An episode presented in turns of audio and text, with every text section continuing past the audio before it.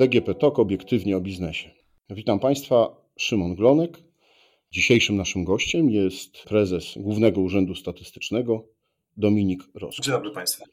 Panie prezesie, do 30 września mamy obowiązek, i tu podkreślę obowiązek, spisać się w spisie powszechnym. Jakby mógł Pan takie powiedzieć, takie ABC, co zrobić, y, co mają zrobić jeszcze ci, którzy zapomnieli, albo odkładają to na ostatnią chwilę. E, no, rzeczywiście prosimy o to, żeby nie, nie odkładać tego na ostatnią chwilę i wziąć udział w spisie.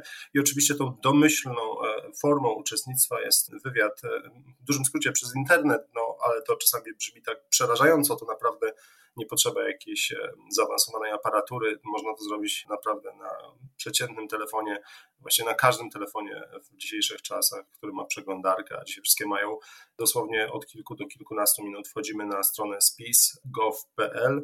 Tam już jest odpowiedni przycisk do aplikacji spisowej, podajemy PESEL, nazwisko rodowe mamy i możemy dokonać tego spisu naprawdę szybko, przyjemnie i taki też sposób gwarantujący pewną e, poufność, intymność większość naszych spisujących, może do tego wrócimy, wybiera właśnie tę formę. Natomiast no jeżeli ktoś bardzo by w ten sposób nie chciał uczestniczyć, można jeszcze dzwonić na naszą infolinię spisową. To numer też jest na stronie, ja mogę powiedzieć 22 279 99 99 i tam prosić o taki wywiad, ponieważ takich osób jest jednak teraz dużo w końcówce, to nie, może to nie być zrealizowane natychmiast, wtedy się po prostu zgłasza i odzwaniamy po jakimś czasie, jak tam moce przerobowe e, pozwalają infolinii. Natomiast e, no, w te dwa zasadnicze sposoby można wziąć udział. No dobrze, powiedział Pan, że trzeba podać PESEL, e, jeśli przez stronę internetową. No ja widziałem właśnie różne głosy, takie obawy trochę ludzi, że o co wy pytacie, gdzie te informacje będą wykorzystane, kto z nich skorzysta? Nie ma się czego obawiać. Po,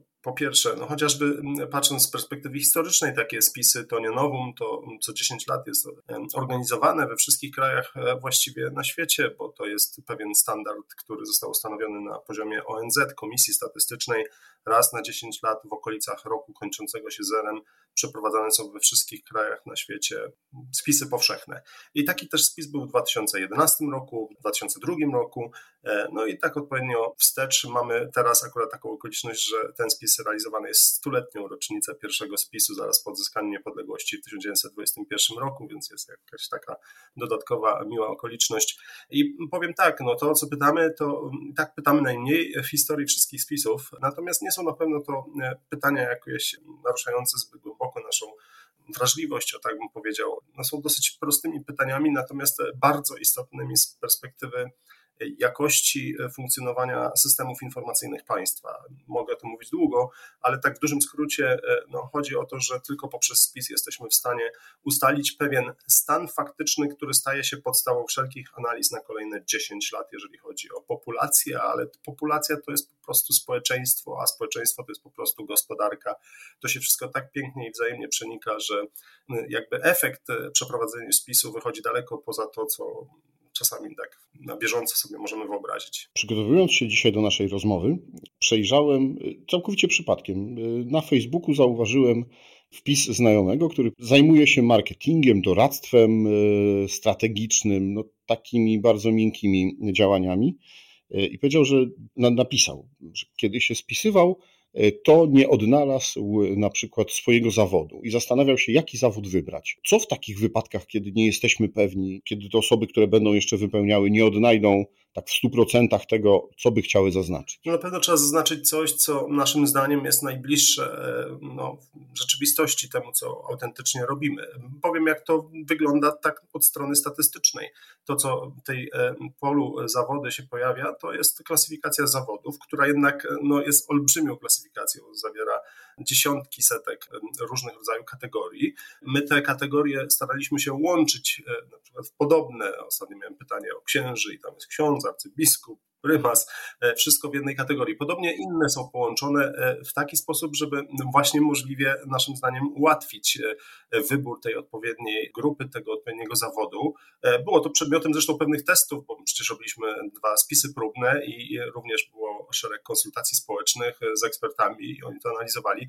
Więc być może czasami to jest taka chwila, tylko kwestia tego, żeby się na chwilę zatrzymać e, e, i pomyśleć o tym, co robimy w inny sposób, użyć innego sformułowania, bo no wiadomo, czasami może tak być, że to słownikowe ma charakter jakiś techniczny, specjalistyczny, natomiast na co dzień posługujemy się innym.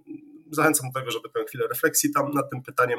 Powiem szczerze, nie mieliśmy takich głosów, że, że tutaj jakieś szczególne problemy są, no ale nie twierdzę, że w jakimś indywidualnym przypadku mogły być. To jeszcze zapytam o to, e, ile osób już się spisało? Jesteśmy no na kilka dni, dosłownie trzy dni przed e, końcem spisu. Czy macie takie statystyki, ile jeszcze brakuje w procentach czy, czy w liczbach? Tak, my monitorujemy. E, również staramy się kontaktować oczywiście z tymi, którzy jeszcze nie wzięli udziału w spisie.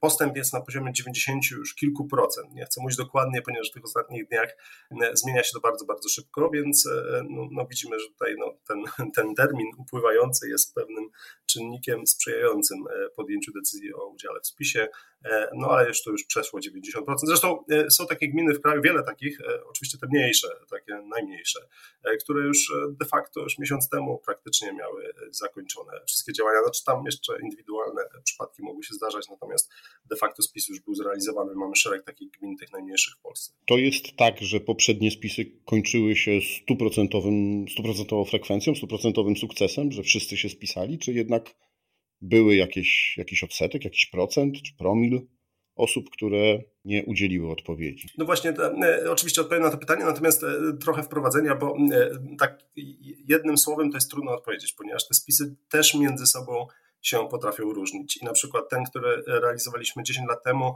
był e, oparty o inne założenia. Tam była tak zwana próba do długiego wywiadu 20%. Z tej 20% bodajże 11% długiego wywiadu udało się przeprowadzić, no ale to był taki naprawdę długi wywiad. Natomiast pozostali byli objęci krótkim wywiadem i tu kompletność była zdecydowanie, zdecydowanie wyższa. No zawsze oczywiście, tak jak w każdym tego typu przedsięwzięciu, ostatecznie może się zdarzyć, że e, ktoś nie weźmie udziału. E, zresztą rok temu robiliśmy spis rolny i podobnie, podobnie również tam się tak zdarzało, że, że ktoś nie wziął udziału. E, no natomiast co do zasady staramy się jakby objąć tym obserwacją statystyczną wszystkie jednostki i tutaj mamy różnego rodzaju metody na to, żeby taką e, tutaj odpowiednią obserwację sobie zapewnić. No dobrze, a co z takimi informacjami, które też pojawiają się? E, wiem, jak obejść i nie musieć się spisać. Przeczytaj tutaj. Znalazłem taki artykuł, wpis w internecie. No to jest bardzo przykre. E, my to obserwujemy, to, to pojawiało się jakiś czas. Natomiast e, no, apelujemy i staramy się komunikować i promować ideę spisu no, tak jak najbardziej zrozumiale. E, I ona w dużym skrócie jest taka, że tak naprawdę jest to w naszym wspólnym i indywidualnym każdego z nas interesie, żeby ten spis wyszedł jak najlepiej. No bo wiele decyzji podejmowanych jest w oparciu o te dane, to po prostu mm, jest w sposób niekwestionowalny na pewno w naszym wspólnym interesie i, i oczywiście jesteśmy otwarci na różnego rodzaju dyskusje w tym zakresie, takich nie ma. To są często indywidualne przypadki osób, które po prostu z różnych względów, jakiejś niechęci czy przykrości, które spotkały je ze strony instytucji państwowych, no w ten sposób reagują i czasami, nie wiem, chcą zrobić na złość innym. Natomiast pamiętajmy, to jest w naszym wspólnym interesie, to naprawdę jest bardzo istotny zasób danych, który służy nam wszystkim i, i, i gorąco apelujemy o to, żeby nie ulegać tego typu podpowiedziom. One, one naprawdę niczemu nie służą. No, jeżeli w sposób świadomy chcemy konstytuować pewną wspólnotę, która e, w sposób przemyślany planuje swój rozwój, czy to będzie wspólnota narodowa na poziomie całego kraju, czy wspólnota lokalna, we wszystkich interesie jest to, byśmy ten spis przeprowadzili jak najlepiej. No dobrze, bo ja zacząłem od tego, że jest to obowiązek. Obowiązek obywatelski. I co wiąże się z tym obowiązkiem, albo co wiąże się z niewypełnieniem tego obowiązku? No oczywiście mm, mamy tutaj e, taką e, groźbę sankcji w postaci kary grzywny za to, że się odmówi uczestnictwa w spisie powszechnym. No tutaj no rzeczywiście ta sankcja w podobny sposób, no, taki sam była skonstruowana 10-20 lat temu. E, no ona służy właśnie temu, żeby zachęcić wszystkich do uczestnictwa w przypadku, gdyby tych chęci tak troszeczkę brakowało. No, no jest ta sankcja i oczywiście takie przypadki już się zdarzyły, że ktoś zdeklarował, że nie chce wziąć udziału w spisie i na dodatek zdeklarował, że na pewno nie weźmie w nim udziału.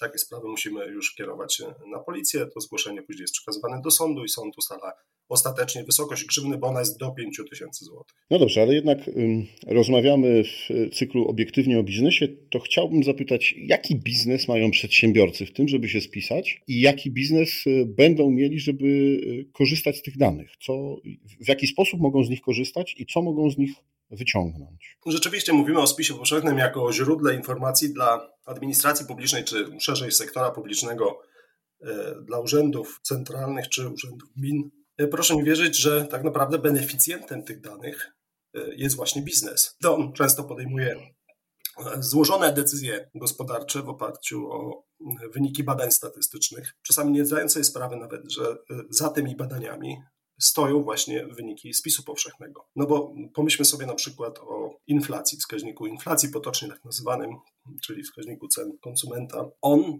oparty jest o szereg badań statystycznych, które w swoich założeniach przyjmują wartości parametrów dotyczących populacji, które pochodzą z ostatniego spisu powszechnego. To jest tak istotne, to co robimy teraz w spisie, że znajduje swoje odzwierciedlenie później we wszystkich statystykach, czy to inflacji, czy produktu krajowego brutto, bezrobocia, to wszystko jest pochodną de facto e, spisu powszechnego. Także rolę tych danych trudno przecenić. A jeśli przedsiębiorca miałby pomysł, czytając pytania, sam, samemu się spisując, e, że któreś z tych danych mogłyby mu się przydać właśnie do rozwoju swojego biznesu, do rozwijania, nie wiem, zdobywania nowych rynków, to jak może e, skorzystać? Co może zrobić, żeby dostać te dane, oczywiście w formie statystycznej. No oczywiście my po zakończeniu spisu zajmiemy się e, przygotowaniem wyników. Tutaj warto wspomnieć też o tym, że de facto wyniki będą oparte nie tylko na tych wywiadach, które przeprowadzamy obecnie, ale również na danych, które pozyskujemy ze źródeł administracyjnych. No i oczywiście sukcesywnie, e, zaczynając od trzeciego miesiąca po zakończeniu spisu, będziemy e, udostępniać te wyniki, oczywiście na różnych poziomach szczegółowości, zaczynając od tych najbardziej ogólnych dla całej populacji, później schodząc coraz niżej, coraz niżej z dezagregacjami. Ale biznes może korzystać z tych danych, no na przykład opartych o poprzedni spis, cały czas już teraz zresztą e, często korzysta. My jako Główny Urząd Statystyczny mamy tutaj opinię dosyć dobrą w tym zakresie, bo, bo nawet jesteśmy w rankingu światowym na drugim miejscu, jeżeli chodzi o otwartość danych. A to się bierze stąd, że do wszystkich, do, bardzo wielu naszych wyników badań, e, w bardzo szczegółowych dezagregacjach, w szczególności przestrzennych, bo te są najczęściej przedmiotem zainteresowania, te dane dostępne są szeroko poprzez systemy bazowe, które mamy na stronach internetowych, ale co myślę nawet ważniejsze dla biznesu, przez to takie e, interfejsy programistyczne API, gdzie można bezpośrednio, bez wchodzenia na nasze strony, integrować te źródła swoje rozwiązania software'owe. Także e, takich e, użytkowników mamy coraz, coraz więcej i te dane naprawdę wykorzystywane są e, w wielu, wielu dziedzinach życia, zwłaszcza tego gospodarczego, bo przecież widzimy, jak rośnie nam ta liczba użytkowników, ile pytań te bazy dostają, takich automatycznych zapytań, jak dużo no, rzeczywiście jest pobierane z tych, z tych źródeł. Dlatego bardzo się tego cieszymy.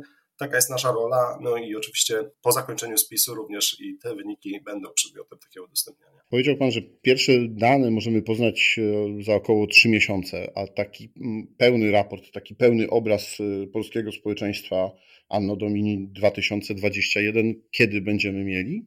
Cały harmonogram opiewa e, na blisko dwa lata, bo proszę mi wierzyć, to naprawdę jest trochę skomplikowane, jak integrujemy te dziesiątki źródeł administracyjnych jeszcze z tymi wynikami, więc te pierwsze wyniki to po trzech miesiącach i później sukcesywnie co jakieś 2-3 miesiące kolejne etapy publikacji. Oczywiście to, co jesteśmy w stanie opublikować w taki sposób zwarty, to co lubią użytkownicy często w postaci publikacji, to, to jest bardzo ograniczone. De facto możliwości agregacji jest nieskończenie wiele i oczywiście trudno jest przewidzieć nawet, e, co mogło być potrzebą użytkowników tak z góry, właśnie ze względu na ogrom tego, co można e, potencjalnie z tym zrobić. E, ale no tu oczywiście mamy inne kanały jakby współpracy z użytkownikami, można składać różnego rodzaju indywidualne zamówienia, również na takiego typu dane, na, na indywidualne agregacje, więc jakby jednoznaczne stwierdzenie, że wszystko zostało opublikowane w pewnym momencie nigdy do końca nie jest prawdziwe, ponieważ zawsze można zrobić jeszcze więcej. Natomiast to, co jest planowane jako, jako ten standard, to co musimy też, no bo się zobowiązaliśmy i ustawą, i mamy też zobowiązania europejskie do Eurostatu,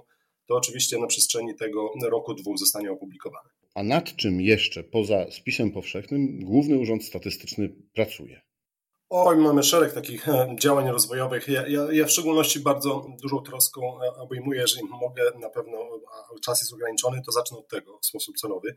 Obejmuję takie działania rozwojowe e, w kierunku najnowocześniejszych metod badań statystycznych, opartych o nowe źródła danych, które tak często takim dużym skrótem myślowym nazywane są źródłami big data, no ale to zagadnienie jest nieco szersze. Podam przykład zdjęć satelitarnych, które pozyskujemy dla badania planowania w rolnictwie w Polsce. Jesteśmy chyba jednym z nielicznych, no nie chyba na pewno jednym z nielicznych krajów, które tego typu szacunki potrafią już opracowywać w oparciu o technologię obserwacji Ziemi satelitarną, bo tam mamy i zdjęcia optyczne, i radarowe, E, to wszystko jest integrowane, jesteśmy w stanie na bardzo niskich poziomach szczegółowości, dosłownie do, do poziomu poszczególnych działek liczonych w metrach określić e, za pomocą metod uczenia maszynowego, jakie tam są zasiewy i jakie planowanie ewentualnie możemy z tego oczekiwać. E, to jest przykład takich, naprawdę, jeden z wielu metod tych, które no, nadchodzą i, i, będą przyszłością również statystyki.